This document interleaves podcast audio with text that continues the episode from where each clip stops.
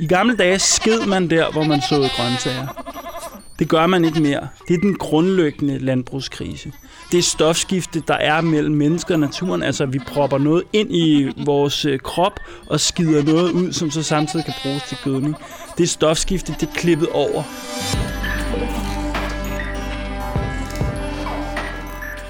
Velkommen til Fagbider. En podcast om faglitteratur, som giver dig et indblik i en ny og aktuel fagbog, der enten lige er udkommet eller snart gør det. Mit navn er Andreas Lykke Jensen, og den mand, du lige hørte tale om at skide, hvor man dyrker grøntsager, hedder Eskil Halberg, forfatter og ekstern lektor, og i øjeblikket er han i gang med at lægge sidste hånd på en bog, der handler om landbrug og fødevareproduktion. Den ene præmis er, at landbruget på en eller anden måde er fittet ind i klima- og biodiversitetskrisen. Og den anden præmis er, at madproduktion er på en måde blevet afdemokratiseret, eller meget få mennesker i vores del af verden har adgang til at producere sin egen fødevare. Kapitalen i mere generel forstand har sådan på en måde skubbet sig ind mellem menneskets adgang til naturen og dermed sin egen reproduktion. Ifølge Eskil er den måde, vi producerer fødevarer på i dag, simpelthen udemokratisk. Fordi det er en meget lille gruppe mennesker, der har ejerskab over jorden. Mange vil nok stille sig undrende over for denne logik, da det er markedet og dermed forbrugeren, der bestemmer, hvilke fødevarer landbruget skal producere. Hver eneste gang vi går ned i et supermarked og køber en liter mælk eller en pose kartofler, stemmer vi så at sige med vores dankort. Men sådan ser Eskil ikke på sagen. Hvert samfund har en særlig måde at organisere omgangen med naturen og mad. Og den omgang med naturen og mad og fødevarer og landbrug osv., den er organiseret under nogle bestemte principper. Og de principper angår blandt andet ejendomsret og teknologi og nogle andre forhold. Hvordan kan det være, at det er blevet sådan, at vi stort set kun har adgang til fødevarer i supermarkedet? En af anledningerne til bogen er også at prøve at tænke mad og politik på en anden måde end gennem forbrugermagt. Det er jo typisk den måde, vi tænker om, at fødevarer har noget med politik at gøre. Det er, at man kan vælge at købe økologisk, man kan blive veganer, eller man kan købe øh, fødevarer uden sprøjtemidler osv. osv. Men jeg prøver ligesom at angribe det et andet sted fra at sige, at hvis vi rigtig skal gøre noget ved madproduktionen og fødevareproduktionen og landbruget, så bliver vi nødt til at forstå, at der er nogle strukturelle forhold bagved, når vi står nede i supermarkedet. For eksempel det, jeg kalder sådan fabriksgørelse af naturen. Så har jeg en historie om, at landbrugskapitalismen på mange måder, det den har forsøgt med stort besvær, men om sider er lykkedes med, det er på en måde at underkaste naturen en slags fabriksarkitektur, som på en måde også forudsætter nogle bestemte måder at producere fødevarer på, og også udelukker nogle andre måder at producere fødevarer på. Siden mennesket gik fra at være jægere og samlere til at blive agerbrugsdyrkere, har vi kultiveret naturen og landskabet. I 1700-tallets oplysningstid opstod der en kulturoptimisme, som både legitimerede det vestlige menneskes uindskrænkede udnyttelse over naturen, samt over andre kulturer og folkeslag. Men ifølge Eskil har vi nu bevæget os ind i en radikal ny fase, hvor mennesket ikke bare forsøger at beherske naturen, men at gøre sig direkte uafhængig af den. Denne fase er tæt forbundet med den måde, vi har organiseret vores økonomi på, nemlig som en kapitalistisk markedsøkonomi. Hvis man ikke kan sælge de varer, man producerer, så går der ikke lang tid, så må man lukke sin butik. Og derfor er der nogle særlige typer af fødevarer, som er udgrænset. Men markedsøkonomi og konkurrence foranleder også en særlig dynamik, der handler om innovation i forhold til arbejdskrafteffektivitet. Og det gør den så ved at erstatte arbejdskraft og natur med teknologi. Og jeg prøver at forstå det som en strukturel klassekamp, altså hvor kapitalen prøver at gøre sig fri af arbejdskraften, men også på en måde gøre sig fri af naturen.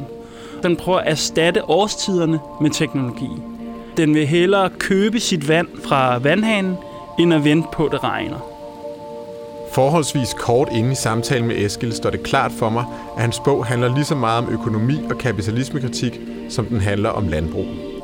Og landbruget er der også et ganske glimrende eksempel til at fremhæve nogle af de interne modsætninger, der eksisterer i en globaliseret markedsøkonomi. en af de sådan store makrotendenser, der har været i, især i dansk landbrug, men, i, men i over hele Europa, som er i gang i hele verden, det er det, man kalder strukturudvikling, som grundlæggende er en specialiseringsproces, men også en, hvad skal vi sige, en monopoldannelsesproces. Fordi der er benhård konkurrence om fødevarepriserne blandt de enkelte landmænd. Alle landmænd er på en måde i konkurrence med hinanden også. Og det gør, at man hele tiden vil prøve at vinde øh, fordele. Og en af de ting, man kan gøre, det er blandt andet ved at opkøbe hinanden. At mere og mere jord er på færre og færre hænder. Øh, noget andet, man også gør, det er, at hvis der er krise i, i økonomien, så sker der faktisk meget, altså at man har besvær med at tjene penge nok på sin på sine varer på grund af priserne, så sker der faktisk ofte det, at man sætter mængden på varer, den, man, man prøver at producere flere mængder, eller mere næste sæson, i håb om, at ligesom man kan indhente det tabte. Der er det, paradoks i det, at det faktisk gør, at priserne falder. Og et tredje element er, at man specialiserer sig. Altså i 60'erne og 70'erne var der mange landbrug i Danmark, hvor man havde flere slags dyr og flere slags afgrøder. Og i forbindelse med den her voldsomme konkurrence, så er man blevet så er man indsnævret, man er specialiseret på færre færre varegrupper. Et lille skift i markedet kan fuldstændig smadre mange øh, landbrugs øh, indtægt, fordi de er meget stift fokuseret på nogle meget enkle varegrupper. Udover at Eskil han ser en lang række økonomiske modsætningsforhold i den måde, vi har organiseret vores fødevareproduktion på, så mener han også, at der fra et biodiversitets- og klimamæssigt perspektiv er alvorlige problemer med den måde, vi producerer fødevarer på i dag. Og her bakkes han op af FN's klimapanel, der i 2019 udgav rapporten Climate Change and Land. En rapport, der havde fokus på fødevareproduktionens indvirkning på klimaet og biodiversiteten. Rapporten konkluderer blandt andet, at mennesket udnytter 70% af landjordens isfri overflade, og at landbruget står for omkring en fjerdedel af verdens samlede CO2-udslip.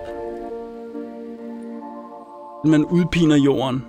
Når man producerer de samme afgrøder igen og igen år efter år, så bliver jorden øh, den får svært ved at reproducere sig selv. Det har mange forskellige konsekvenser, men en af de konsekvenser, man så gør, det er, at man erstatter med kunstgødning. Man kan på en måde godt opretholde kvælstofniveauet i jordene, men øh, de er meget lette at udvaske, fordi der er ikke noget, der kan holde på kvælstoffet i jorden. En af de andre meget, som er meget omtalt for tiden, det er jo øh, vores kødproduktion, som er på mange måder helt forfærdelig, fordi øh, kød for det første er en meget ineffektiv måde at producere mad på. Og det, der også er med kød, det er noget, man, man sjældent tænker over, men kød er faktisk enormt dårligt til at holde sig. Mange øh, planteafgrøder, dem kan man tørre, eller sylte, eller putte på glas, eller det ene og det andet. Og det gør, at det kan holde sig meget længe. Korn for eksempel, det kan holde sig længe. En kød skal holdes koldt, for ellers så bliver det dårligt. Så en af kødproduktionens store problemer er faktisk øh, alle de enorme centre, hvor vi skal opretholde 5 grader, eller minus 20 grader, eller hvad det nu er. Og så er der selvfølgelig hele klimaspørgsmålet, især oksekød og svinekød er jo meget... Øh, det, der er, meget, er forbundet med meget store drivhusgasudslip, blandt andet metan og lattergas, som er nogle meget potente, så de har meget store konsekvenser for det, man kender som global opvarmning. Hvis den måde, vi producerer fødevarer på i dag, ikke er bæredygtig, hverken økonomisk eller fra et klimamæssigt perspektiv, hvordan skal vi så producere fødevarer fremover? Landbrug er helt tæt forbundet med teknologi og teknologiske udviklinger. Forædling for eksempel er jo er meget centralt i landbruget og har altid været det, altså at man kan forædle sine sin dyr og sine afgrøder, så de bliver mere frugtbare og kan har et bedre afkast osv. osv. Men der er også nogle problemer med, med især højteknologi, som på en måde er dels at jo mere højteknologisk landbruget bliver, jo mere afhængigt bliver det af fossile brændsler. Men det andet element, som jeg også synes er vigtigt, det er, at teknologi også har politiske eller sociale konsekvenser. I min bog, der slår jeg lidt til lyd for en eller anden form for autonomisme, altså at flest mulige mennesker skal i en eller anden udstrækning have adgang til at producere sin egne fødevarer.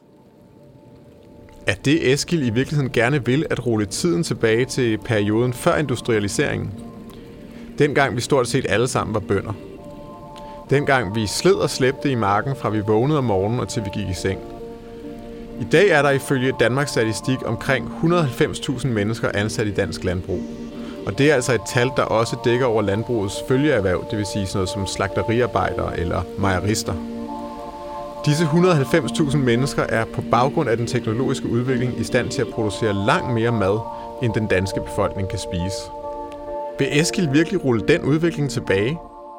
Flere mennesker bliver nødt til at opfinde eller få en interesse for, hvad det vil sige at producere grøntsager. Og det er rigtigt, der er et eller andet element af ufrihed her. Omvendt vil jeg sige, det er ikke alle, der kommer til at producere mad til sig selv.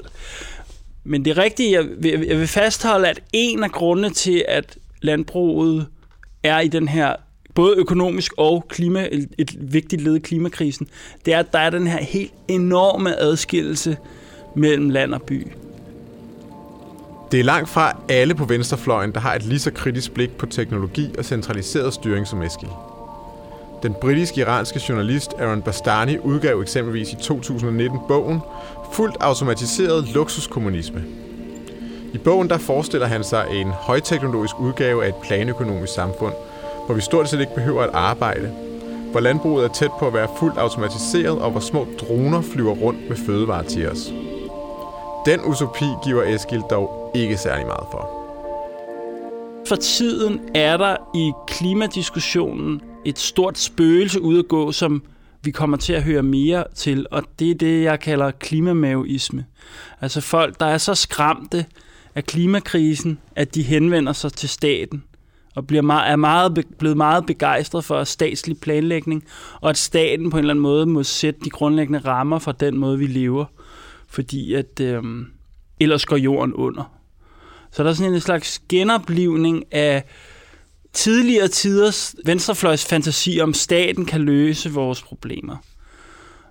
Det er et problem, at de fleste mennesker ikke har adgang til at reproducere deres eget liv. Om det så er markedet, der medierer deres adgang til mad, eller staten, der medierer deres adgang til mad, det er stadigvæk i en eller anden forstand ufrit for mig.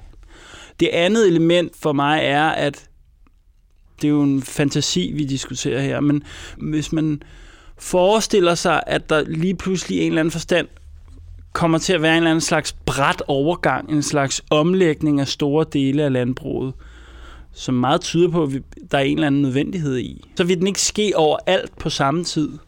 Og netop det forhold, at revolutionen ikke sker sådan med et knips på alle over hele øh, kloden, eller øh, over he, i hele rummet, kunne man sige, det gør, at vi bliver nødt til at kæmpe og spise samtidig.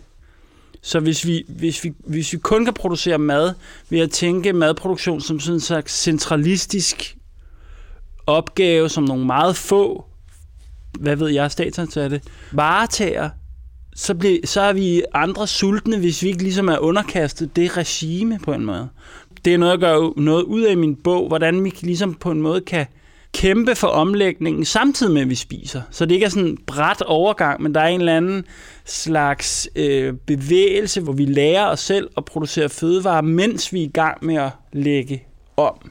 Og den proces forekommer at være sådan lidt fraværende i, i dem, der sådan kan sidde på et værtshus og planlægge, hvordan de gerne helst vil have landbruget var efter revolutionen i godsøjne.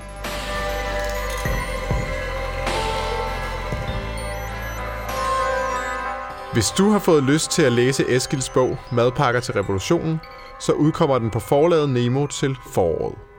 Mit navn er Andreas Lykke Jensen. Tak for at du lyttede med, og på genhør.